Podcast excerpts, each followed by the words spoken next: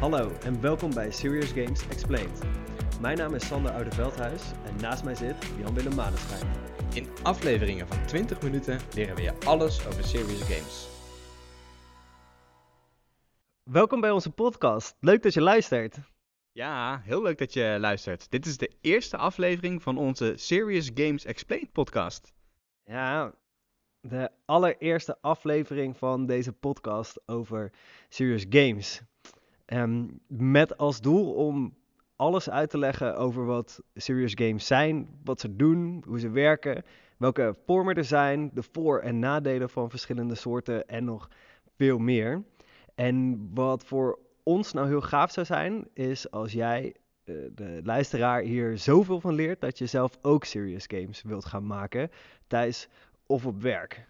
Ja, precies. Dus eigenlijk alle ins en outs van serious games voor liefhebbers en beginners. Ja, precies. En ehm, misschien is het wel handig om dan uit te leggen wie wij zijn. Dan hebben onze luisteraars ook een beetje context. En vroeg ik me af of jij die misschien wil aftrappen. Ja hoor. Ehm, nou, ik ben Jan-Willem Maneschijn. Ehm, ik maak al vijf, ruim vijf jaar eh, spellen en escape rooms voor bedrijven. Ehm, begonnen eigenlijk als een soort hobby. Eh, escape rooms gemaakt voor familie en vrienden, uitgegroeid nu tot eh, uiteindelijk Raccoon Serious Games. Waarmee we escape rooms en spellen maken die een leerdoel moeten bereiken. Ehm, en ja, dat doe ik met veel passie en veel plezier. Gebruik ik daar eh, techniek en game technieken om eh, mensen nieuwe ervaringen te laten beleven en echt dingen te leren. Vet. Ik vind het echt heel vet dat je van je hobby je werk hebt kunnen maken. En dat het dan eh, ja, ook steeds groter wordt. Mhm. Bij mij is dat ook wel een beetje zo. Ehm, mijn naam is Sander Oudeveldhuis en lang geleden heb ik mijn opleiding industrieel ontwerpen gecombineerd met mijn voorliefde voor gamen en spelletjes spelen. In 2013 alweer ben ik begonnen met het maken van mijn eerste serious game voor Yubu, Y-U-B-U, waar we toen spellen voor het onderwijs maakten.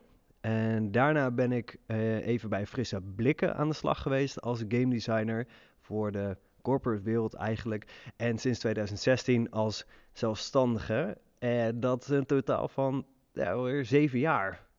Zo, dat is ook al eh, een flinke tijd. Ja, ja, dat vind ik het ook. Het leuke is dat het dus ook leuk blijft. En eigenlijk is dat ook niet zo gek, want spelletjes zijn ook al super lang onderdeel van onze maatschappij. Ja, dat klopt ja. Ehm, en zelfs ook serious games, wat een ja, redelijk recente term is, ehm, bestaat dat al veel langer dan dat we denken. Ehm, hè, er werden, worden al heel lang spellen gespeeld ter lering en, eh, en vermaak, zeggen we ook altijd. Ehm, maar vaak zat er ook een boodschap aan vast. Ganzenbord bijvoorbeeld is in de 17e eeuw veel gebruikt als educatiemiddel. Om te laten zien wat voor kansen en mogelijkheden je in je leven tegen kunt komen. Ehm, en dat spel had ook dus nog een voorloper, die we ook allemaal kennen, namelijk eh, Snakes and Ladders, wat in de 13e eeuw normen en waarden probeerde uit te leggen aan kinderen. En waar het meest bekende voorbeeld misschien wel is eh, Monopoly, wat ooit onder de naam de Landlords Game aan kinderen en volwassenen probeerde uit te leggen wat eh, het negatieve effect is van iemand die een monopolie op woningen heeft en die ja, steeds meer geld daarmee verdient en steeds meer kan verhuren, terwijl mensen steeds minder geld hebben om te huren. Ik vind dat zo vet, hè? Dat al zo lang spellen worden gemaakt en dat we het dus ook al zo lang geleden gebruikten om mensen wat aan te leren. Ja? Eh, je zou ook bijna zeggen dat het een beproefde manier is om een boodschap over te brengen. Ehm, want het wordt al zo lang gebruikt en toegepast. En als je dan naar dit soort games kijkt, hè, wat zijn dan de overkoepelende eigenschappen? Er zijn een vijftal overkoepelende eigenschappen die eigenlijk elke serious game heeft.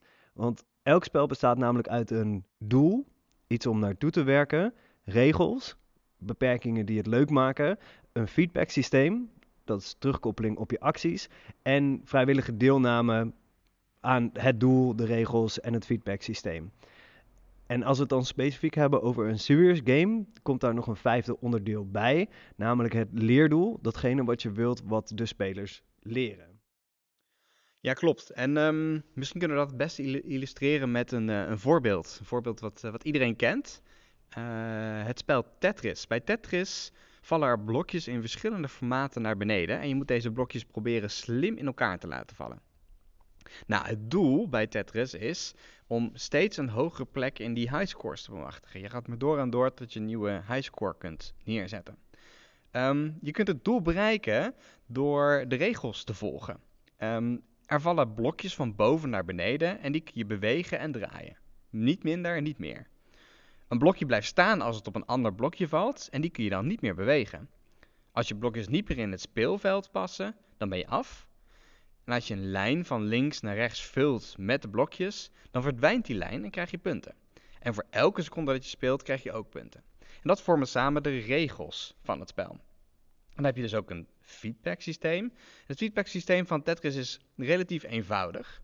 Je krijgt namelijk punten als je langer speelt, waardoor je leert dat je zo lang mogelijk door moet spelen om meer punten te verdienen. Je kunt geen punten meer verdienen als je de bovenkant raakt, waardoor je leert dat je blokjes efficiënt moeten worden neergezet. En een lijn verdwijnt als de blokjes goed in elkaar passen. En dan krijg je extra punten, waardoor je extra gemotiveerd wordt om die blokjes efficiënt neer te zetten en die lijnen te vullen. En het spel wordt heel veel gespeeld. Um, en de mensen die het spelen, die weten van de regels en spelen het dan ook vrijwillig. Dus kort samengevat heb je in ieder geval vier van de vijf doelen. Um, uh, vier van de vijf onderdelen van een game. Je hebt namelijk een doel en uh, de regels. En die zijn heel simpel en duidelijk. Waarmee je ervoor zorgt dat iedereen vrijwillig mee kan spelen.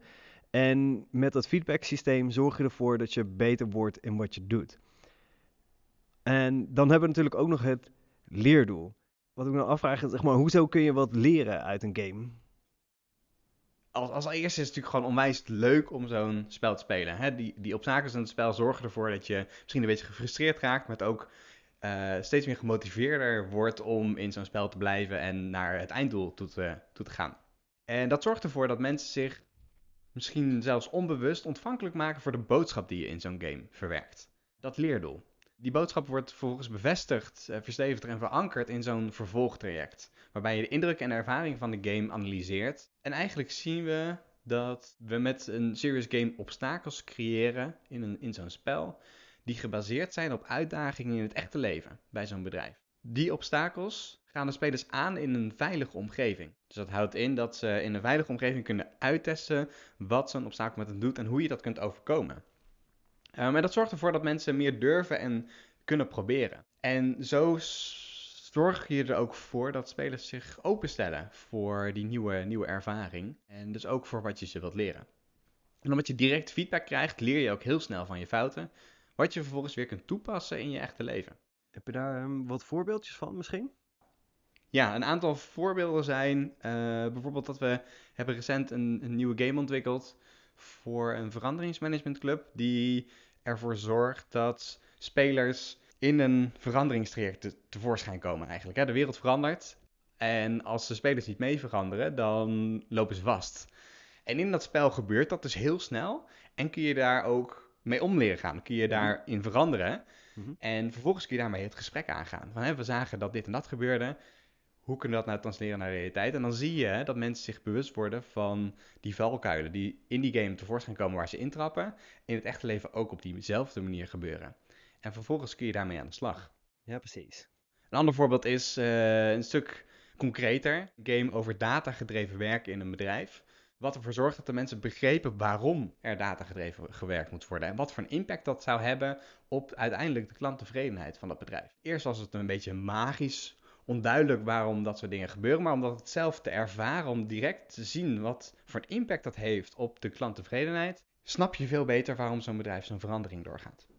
Ja, ik denk dat dat twee mooie voorbeelden zijn waarin we deze uh, theorieën toepassen en games voor ontwikkelen waar mensen echt iets aan hebben.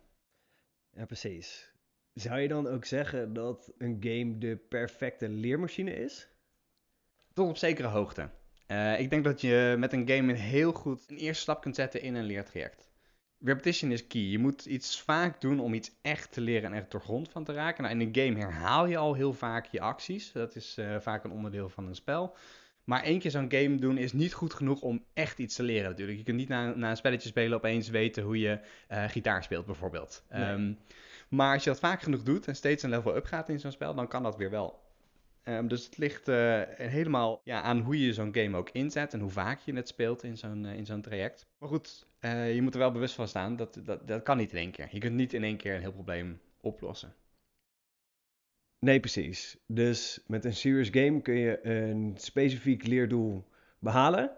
het is heel leuk om het te doen, maar je moet er wel voor zorgen dat je na die game die kennis wel blijft vasthouden door allerlei andere dingen te doen. Ja, en dan uh, zou je zelfs nog gamification kunnen toepassen in dat vervolgtraject. Wat dan weer een heel ander ding is dan een serious game. Ja, ja dat klopt, ja. Ik, um, hè, het verschil tussen die twee is nog best lastig. Um, en niet iedereen weet dat daar een verschil uh, tussen zit. Dat er toch wel degelijk een groot verschil tussen zit. Het is een beetje alsof je appels met peren vergelijkt. Want het zijn allebei stukken fruit, maar de smaak ligt toch echt ver uit elkaar. En bij serious games en gamification is het meer een kwestie van schaal. Op het gebied van tijd en ervaringsintensiteit.